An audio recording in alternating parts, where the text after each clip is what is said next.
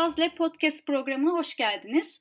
Bugün Koç Üniversitesi'nden Erdem Yörük ile konuşacağız. Erdem Hocam hoş geldiniz. Hoş bulduk, merhabalar. Hocam öncelikle katıldığınız ve zaman ayırdığınız için teşekkür ederiz. Ben ilk sorumla başlamak istiyorum. Sizin de bildiğiniz gibi hocam sadece Türkiye'ye özgü olmayan ve birbirinden farklı çeşitli toplumsal bölünmeler ile karşılaşıyoruz. Yaratılan mesafeler var ve bu yaratılan mesafelerin elbette kültürel, siyasal, ekonomik faktörleri var. Ee, belki biraz güncel bir konudan da bunu aslında örneklendirebilirim. Hepimizin e, tanık olduğu ve yaşadığı bir süreçle ilgili çünkü. Dünya Bankası Ekim ayındaydı yanlış hatırlamıyorsam yayın bir rapor yayınladı. Yoksulluk ve paylaşılan refah raporu. Ve bu raporunda COVID-19 salgının dünyadaki yoksulluğu büyüt, büyüteceği uyarısında da bulundu. Ve aynı zamanda Dünya Bankası Başkanı raporla ilgili yaptığı açıklamada salgın ve küresel ekonomik durgunluğun dünya nüfusunun %1.4'ünü aşırı yoksulluğa düşmesine neden olabileceğini belirtti. Bu, bu konu gibi karşılaştığımız değişimler, var olan sosyal ekonomik koşullar ve farklı pozisyonlar sonucu ayrımlar her bağlamda farklı bağlamlarda söz konusu. Burada aslında size sormak istediğim sizce yani siz siyasal kutuplaşmayı düşündüğümüzde toplumsal temellerini nasıl açıklıyorsunuz? Evet, öncelikle çok teşekkür ederim bu kıymetli programa katkı yapmaya davet ettiğiniz için. Sizin de bahsettiğiniz gibi e, siyasi polarizasyon aslında son 10-15 yıla damgasını vurmuş bir kavram. Yani bundan da ne kastediyoruz? Farklı farklı algıları var tabii ki ama eskiden bir spektruma yayılan siyasi görüşlerin aslında şu anda iki ya da üç kutup arasındaki e, bir zıtlık olarak ifade edilmesi. Yani baktığımız zaman Türkiye'de bir sürü anket gerçekleşiyor. Çeşitli çeşitli konularda sorular soruyorlar ve yani herhangi bir konuda bir şey sorduğunuz zaman insanlara genelde oy yani özellikle de 1 ve 0 yani o mu bu mu şeklinde bir yanıtsa %52'ye 48, 47'ye 53, 49'a 51 gibi e, yanıtlar alıyoruz ve genelde de bunun bir adım sonrasına geçirdiğimiz zaman aslında bu eğitim sistemiyle ilgili bir şey de olabilir. Aşı ile ilgili bir şey de belki e, olabilir. Veyahut da e, işte dış politika ile ilgili bir görüş de olabilir.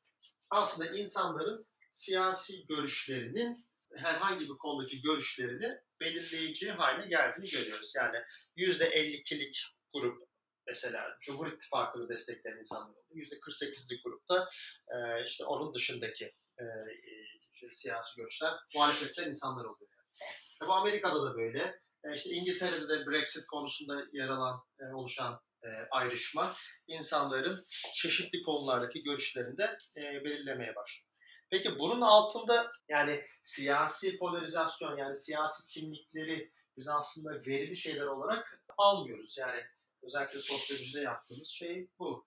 E, peki bunun altında yatan toplumsal bir dinamik, toplumsal kökenleri nerededir, nerededir diye baktığımızda Türkiye'de 2000'lerden itibaren yaşanan e, siyasi kutuplaşmada bir tarafta Adalet ve Kalkınma Partisi, bir tarafta da Adalet ve Kalkınma Partisi'nin aslında o dönemde mücadele ettiği, rekabet ettiği e, siyasi bloklar. Bu bloklar bazen Kemalist cephe oluyor, bazen işte şu anda Millet İttifakı olarak tabir edilen e, blok oluyor. E, bazen işte Cumhuriyet mitingleriyle kendisini e, ortaya koyduğunu görüyoruz. Bazen seçimdeki e, seçim rekabetiyle kendisini ortaya koyduğunu görüyoruz. Bazen gezi protestolarıyla yani çeşitli çeşitli kurumsal veya kurumsal olmayan e, bu e, şeyin yansımaları var. Ama toplumsal kökenlere baktığımız zaman biz AKP'nin ve de yani karşı kutbunda aslında karşı siyasi kutbunda en güçlü temsilcisi olan CHP'nin toplumsal tabanına baktığımız zaman orada bir enteresan bir yapı görüyoruz. Şimdi AKP'nin oylarıyla ülkedeki gelir seviyesi arasındaki farka baktığımız zaman şu ilişki her zaman sabit. Yani gelir bir insanın gelir durumu arttıkça AKP'ye oy vermesi ihtimali azalıyor. Daha yoksullar daha çok AKP'ye oy veriyor daha zenginler daha az AKP'ye e, oy veriyor. Bunun tam tersi olan bir durumu da CHP oylarında görüyoruz. CHP oylarıyla da bir kişinin gelir seviyesi arasında da hemen hemen doğrusal bir ilişki olduğunu görüyoruz. Yani daha orta ve üst sınıfların CHP meylettiğini e, görüyoruz. Yani bu zaten çok da bilinmeyen bir e, şey değil, e, bir durum değil. Ama e, olayın şöyle bir tarafı var. Bizim yaptığımız analizlerde 2000'ler boyunca yani zaman ilerledikçe AKP içerisindeki yoksulların oranı artıyor. Yani AKP dediğimiz parti yıllar zarfında gittikçe daha ve daha fazla e, bir yoksul insanların partisi haline gelmiş durumda. Yani hani bu yoksulları çıkarın temsil ediyor mu, onlar için bir şeyler yapıyor mu sorusundan bağımsız tabanından e, hareketle söylüyorum. Tabanının gittikçe yoksullardan oluşan bir parti olduğunu söylüyorum. Şimdi e, bu popülist yani belki ondan biraz daha sonra bahsederiz ama yani popülist söylemle bu kitle tabanı arasındaki ilişki aslında yani yumurta tavuk ilişkisine de e, benzer bir ilişki. Yani insanlar daha fazla yani bir partinin kitle tabanı daha yoksullaştıkça mı parti daha popülist söylemlere yöneliyor?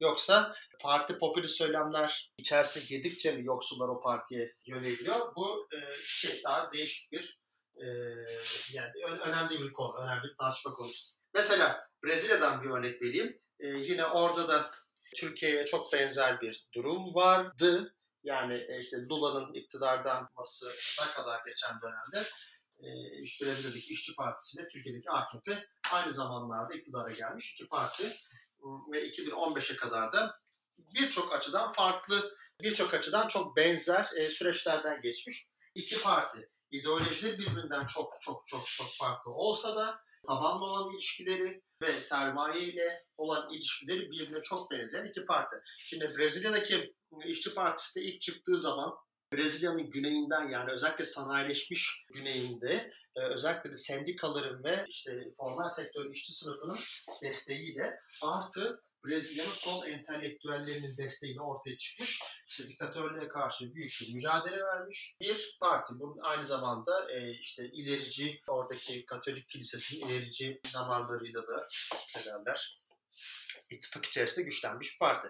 Yalnız 2000, e, 2004-2005 sularında partisi bir takım yolsuzluk ilişkilerine giriyor. Yolsuzluk skandalları ortaya çıkıyor.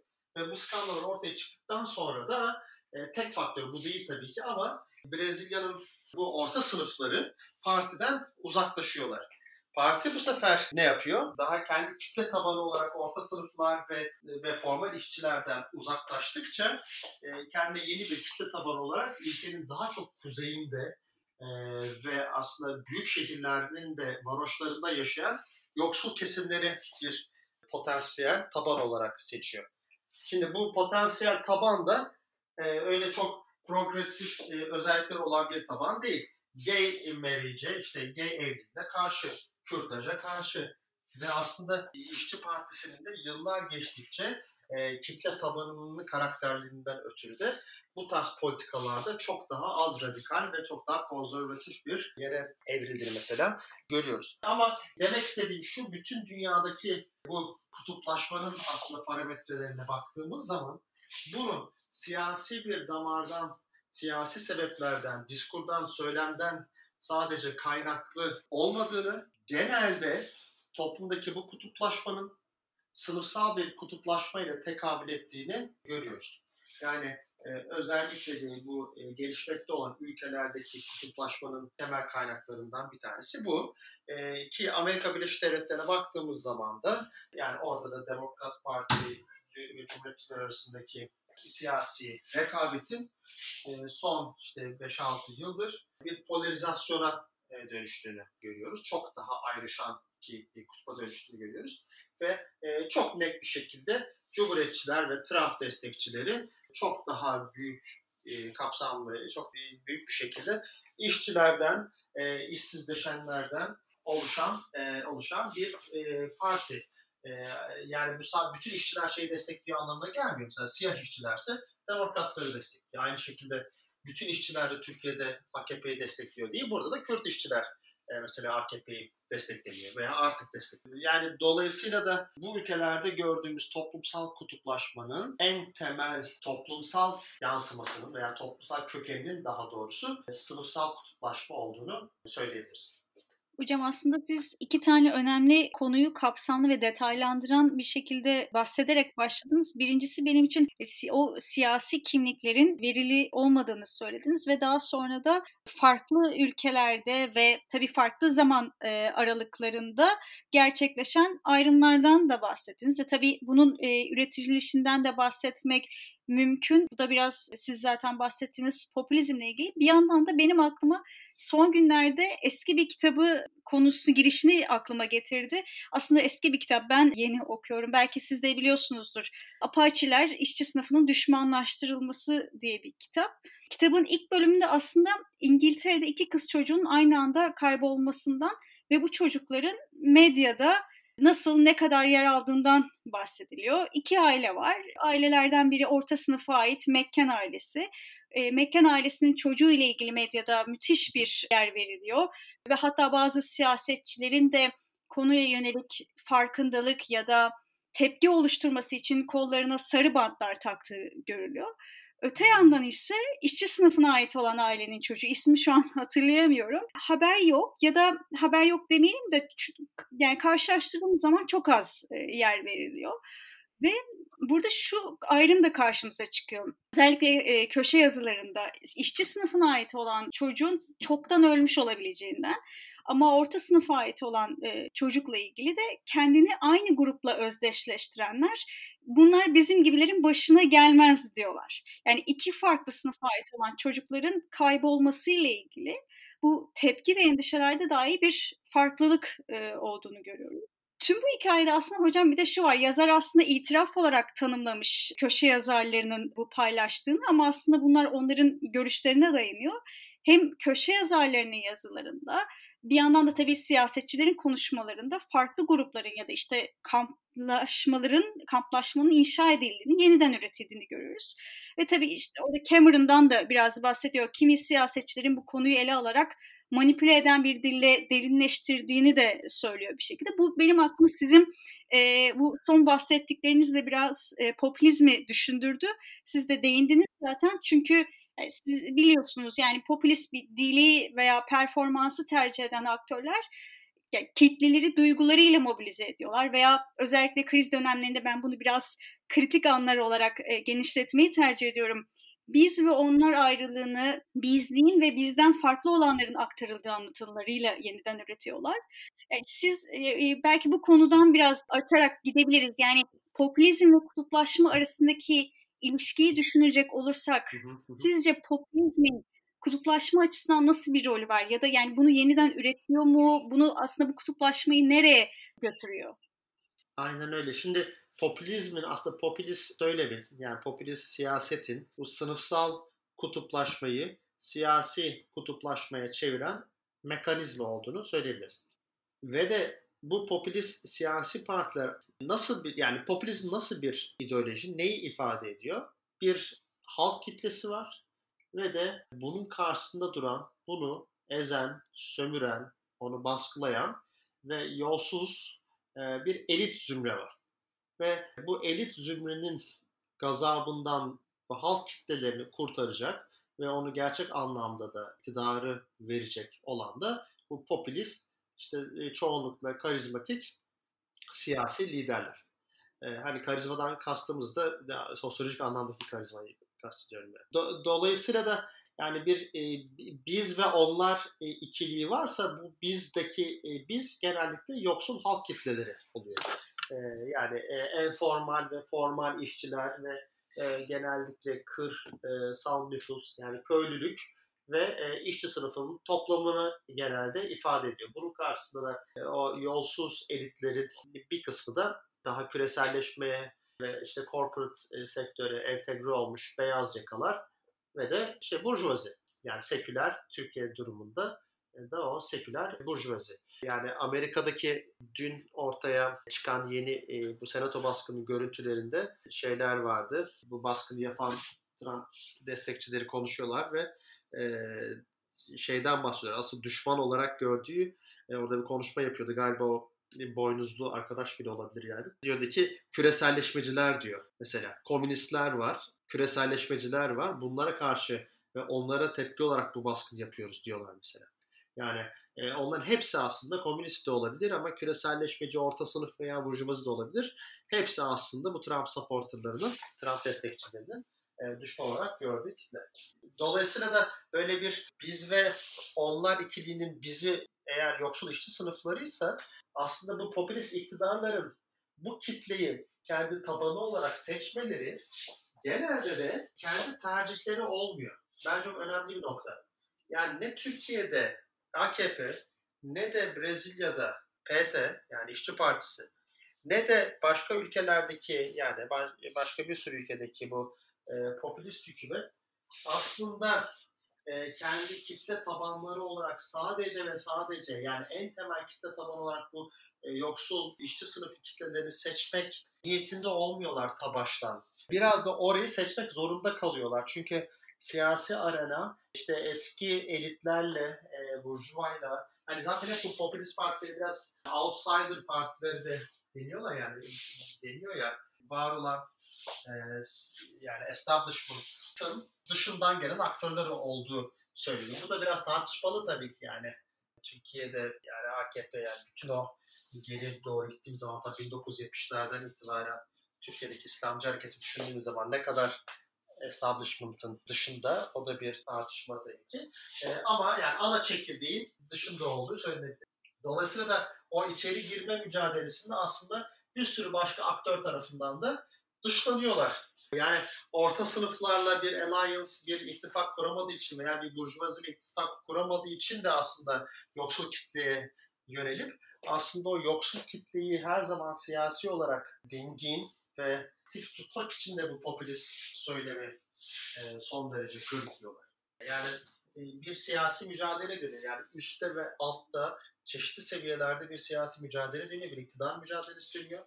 Ve bu iktidar mücadelesi içerisinde e, bu popülist iktidarlar e, ihtiyaç duydukları halk desteğini çoğunlukla ancak bu yoksul halk kitleler arasında bulabiliyorlar ve e, o halk kitlesini daha da politize etmek için de e, bu kutuplaştırıcı söylemi yükseltiyorlar.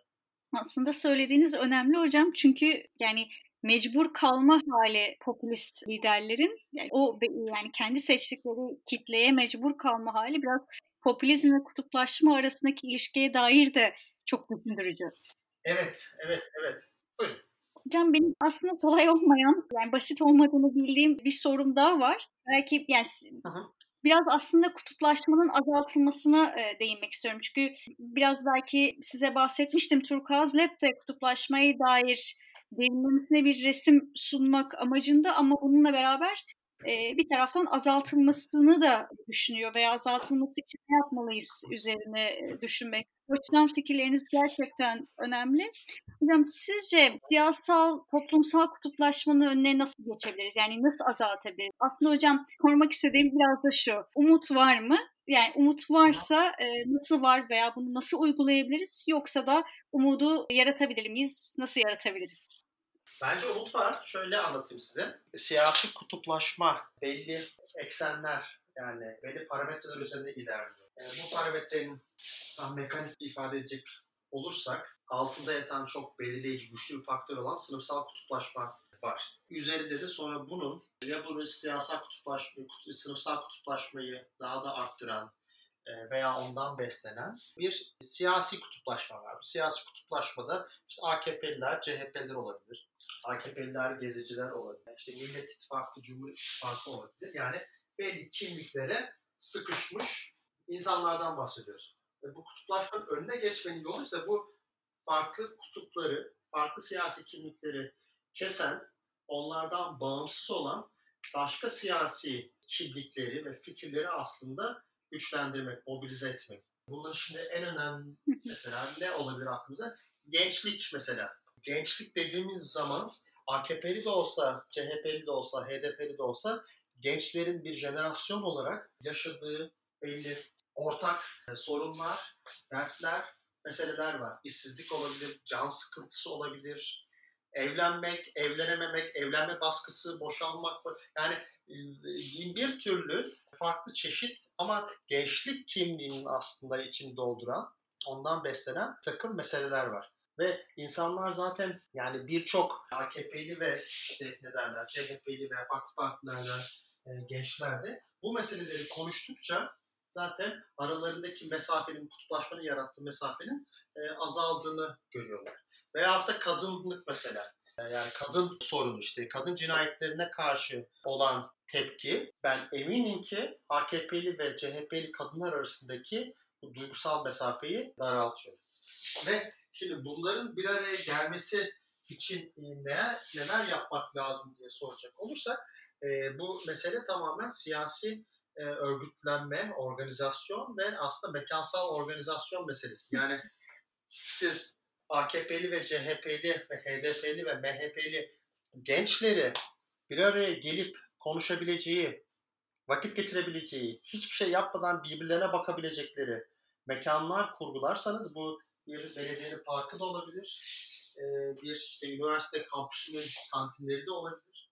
Eğer siz bu insanları mekansal olarak aynı yerlere e, koyduğunuz zaman aslında aynı sorunları beraber ne derler tartışmaya ve konuşmaya veya en azından aynı sorunları beraber yaşamaya başladıklarında aralarındaki mesafenin azalacağını ben düşünüyorum. Ve özellikle de yani Türkiye'de 2002'de başlayan bu kutuplaşma meselesi yani toplumun bu tarz kimliklere hapsolması meselesi ve herkesin aslında aşırı siyasi bir şekilde bu kimlikleri sahip konuş, sahipleri konuşması herkesi çok yordu. Yani bu politizasyon, bu kutuplaşma dediğim gibi kendiliğinden olan bir şey değil. Siyasi aktörlerin mobilizasyonuyla, politizasyonuyla oluyor. İşe de yarıyor ama insanlar gerçekten yoruldular. Yani ne bileyim başörtüsü meselesi üzerinden, işte seküler laik meselesi üzerinden yaratılan kutuplaşmayı mesela alalım.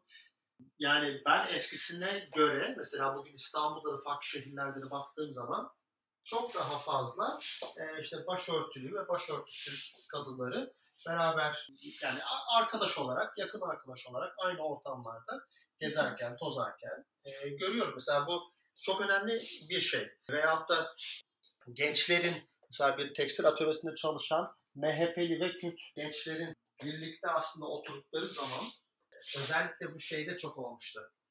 E, barış süreci zaman, bu açılım zamanlarında toplumsal gerilim biraz daha düştüğü zaman bu meselelerde e, ve aynı fabrikada, aynı atölyede çalışan MHP'li ve Kürt gençler birbirleriyle ya bak sen şunu yaptınız, şunu yaptınız, bunu yaptınız deyip yani tepeden gelen mobilizasyon, gerilim azaltıldığı zaman insanlar daha sağlıklı bir şekilde konuşabiliyorlar. Halk birbiriyle konuşabiliyor yani. Yani dolayısıyla da ben e, siyasi politizasyon yani bu kutuplaşmanın e, en nihayetinde siyasi olarak üretilmiş yani suni demeyeyim ama bir konstrakt olduğunu düşünüyorum. Bir kurgu olduğunu düşünüyorum. Yani kurgu olması demek bunun bir e, hayal ürünü değil yani. Ama inşa edilmiş bir şey. Ve e, yani siyasi aktörlerin de bu inşadan kısa sürede vazgeçeceklerini düşünmüyorum. Çünkü buna ihtiyaçları var. Ama e, hani bu kutuplaşmadan rahatsız olan insanlar bunu nasıl azaltmaya çalışabilir diye siz de bunu tabii ki soruyorsunuz yani. Dolayısıyla da bence belli mekanlar yaratmak, hani bu mekanlar sadece kahve, kantin falan değil, e, sosyal medyada da echo chambers deniyor ya, yani artık insanlar birbirleriyle konuşmuyorlar sosyal medyada da kapalı ortamlarında aslında yankı odaları. Herkes kendi sesini duyuyor. Daha yani o ortak farklı bu kutuplardan insanların gelip bir şeyleri konuşabilecekleri sosyal medya kanallarını yaratmak da çok çok önemli. Çünkü bu kutuplaşma ya ben halk tarafından talep edilen bir şey olduğunu düşünmüyorum. Gerçekten belki bir ara talep de ediliyor da olabilirdi ama şu anda gerçekten çok yoruldu insanlar. Özellikle ekonomik kriz ve yaşanan bir sürü yani Türkiye gibi bir ülkede yani çok zordu son 15-20 yıl. İnsanlar yoruldular ve komşularından, akrabalarından siyasi sebeplerle nefret etmekten de yoruldular. Dolayısıyla ben yani Türkiye bir de çok adaptif bir ülkedir ya yani 3 günde gerçekten başka bir yerde 2 yılda olacak şeyi e, gerçekleşebiliyor. Yani bu suni diyeyim tırnak içinde e, kutuplaşma e, dinamiği ortadan kalktığı zaman ben kısa sürede hani eskiye döneceğini söyleyebilirim. Eskisi de çok güzeldi anlamında demiyorum. Ama şu son 5-6 yıldır yaşadığımız polarizasyon o farklı bir olgu yani. Hocam biraz umut oldu. Aslında güzel oldu e, son sözleriniz. Erdem Hocam gerçekten ağzınıza sağlık, keyifli e, ve kapsamlı bir sohbet oldu sizinle. Zaman ayırıp yanımıza katıldığınız için çok teşekkür ederiz. Ben de çok teşekkür ederim. İyi çalışmalar diliyorum size. Çok sağ olun hocam. Bugünkü sohbetimizi sona erdiriyoruz. Yeni tartışmalarımızla birlikte devam edeceğiz. Herkese iyi günler dilerim.